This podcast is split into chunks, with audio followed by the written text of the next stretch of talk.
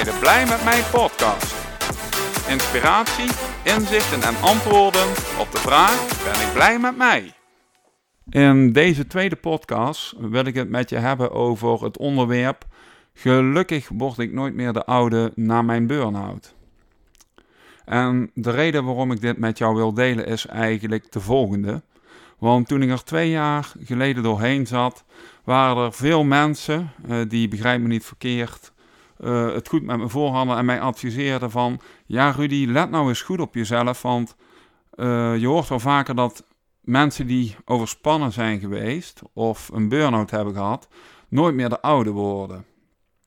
En in eerste instantie zou je misschien denken, en dat dacht ik ook, van dat is een waardevolle tip, maar als je daar goed over nadenkt, is het natuurlijk een hele rare opmerking. Want ik kwam al gauw tot de ontdekking, doordat ik met mezelf aan de slag ging, dat ik één ding zeker niet meer wilde, en dat was de oude worden. Want dat was juist de reden dat ik in deze situatie terecht was gekomen. Die totale uitputting, geen energie en niet meer verbonden zijn met mezelf. Dus toen ik me dat besefte, wist ik één ding zeker. Ik wil nooit meer de oude worden, maar ik wil mezelf juist als het ware heruitvinden.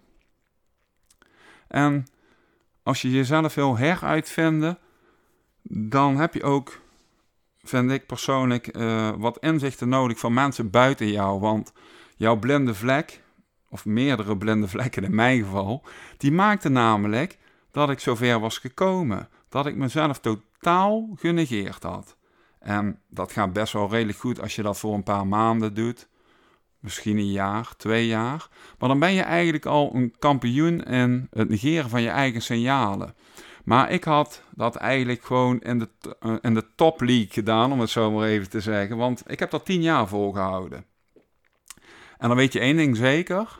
Totdat je erbij neervalt, ben je tot op dat moment een doorzetter geweest. Dus dat dan weer wel.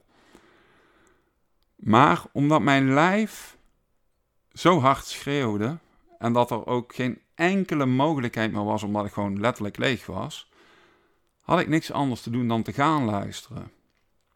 En vanaf dat moment ben ik me ook gaan beseffen dat dat de enige manier was. Want mijn lichaam gaf die signalen namelijk al veel langer af, maar die had ik compleet genegeerd.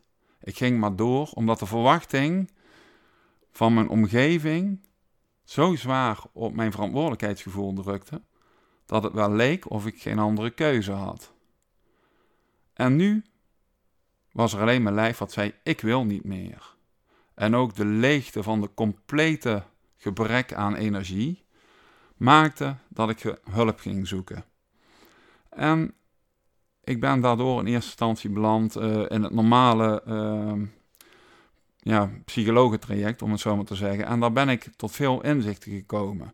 En toch merkte ik dat ik, ondanks de inzichten, te ver van mezelf af bleef staan.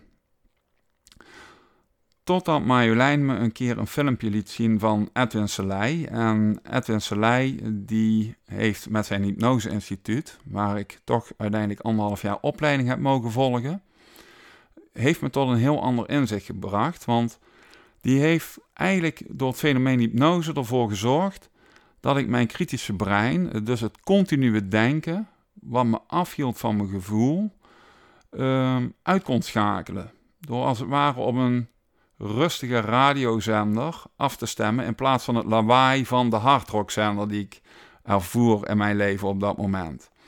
En door tal van NLP-technieken en hypnose-technieken kwam er heel snel rust en leegte in mijn hoofd, waardoor ik weer kon gaan reizen als het ware in mijn lichaam en ook alle spanning en weerstand kon gaan voelen.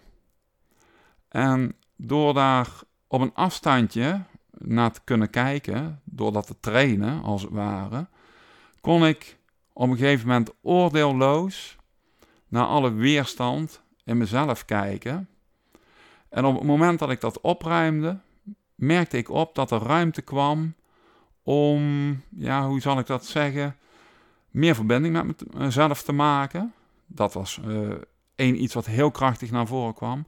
Maar dat er ook weer creativiteit en energie in me begon te borrelen, waardoor er weer waanzinnige inzichten kwamen en ook gedachten die ik op dat moment vaak voor onmogelijk hield.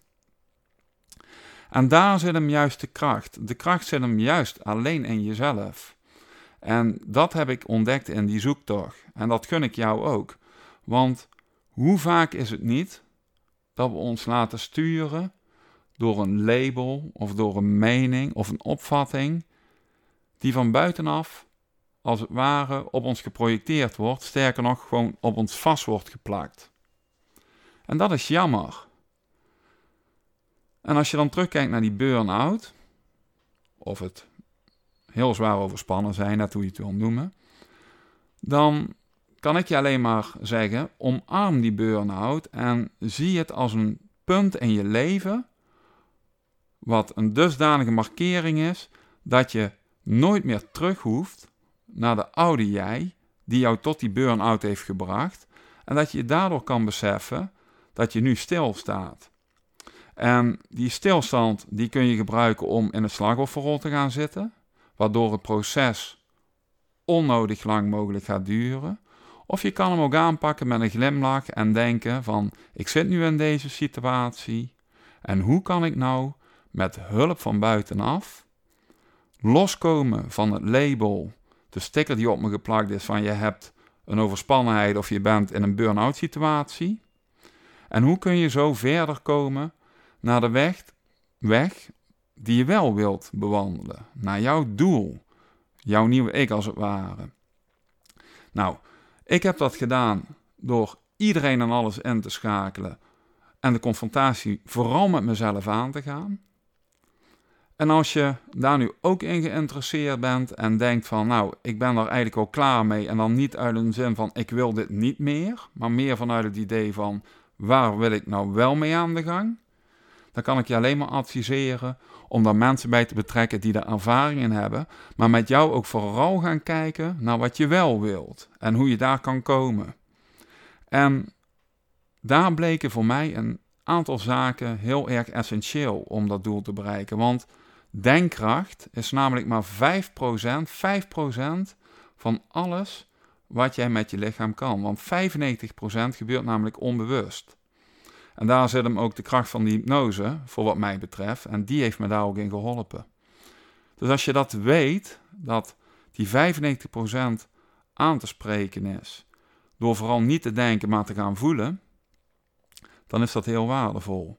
Maar los van jouw lichaam, of eigenlijk zeg ik het verkeerd, je zou kunnen, beter kunnen zeggen, in verbinding met je lichaam, zou je ook kunnen kijken naar voedzame voeding, die gezond en goed voor jou is. Waardoor jouw lijf weer in een gezonde situatie kan komen, omdat het voedingsstoffen opneemt die waardevol zijn voor jouw cellen. Waardoor je ook beter gaat voelen. Want wat je erin duwt aan gedachten, in de vorm van slechte gedachten, maar ook slechte voeding, dat voel je ook letterlijk terug in je lijf.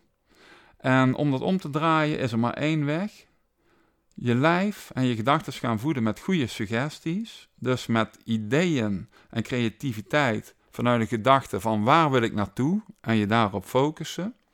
Zorgen dat je daar goed bij eet, je goed laat adviseren en je lijf daardoor ook weer in beweging komt, waardoor, waardoor je ook weer meer kan gaan bewegen en sporten. En dan kom je letterlijk met die drie facetten helemaal weer in beweging en in de kracht van jezelf te staan.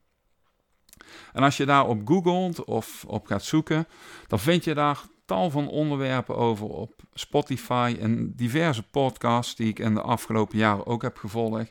Maar ook op YouTube is ontzettend veel te vinden waar jij wat in hebt. En denk niet langer van ik belast mensen met het feit dat ik nu niet kan functioneren zoals ik altijd heb gedaan. Maar denk dat het nu jouw tijd is, jouw tijd om de verandering in te zetten die jou verder brengt. Niet meer en niet minder. Want het gaat nu even om jou, om niemand anders. Want als jij weer in jouw energie komt met de focus op wat jij wilt en je gaat er langzamerhand naartoe, dan heeft ook jouw omgeving vanuit dat idee veel meer aan je dan dat je jezelf voorbij blijft hollen en nu niks doet en mogelijk over een aantal jaren concludeert dat de cirkel rond is en denkt van fuck, daar heb ik die burn-out weer. Dus maak optimaal gebruik van de waanzinnige kans die nu even kloten lijkt, maar jou de verandering in je leven zeker gaat brengen. En denk je nu, het zal wel allemaal? Nou, ik kan je één ding zeggen.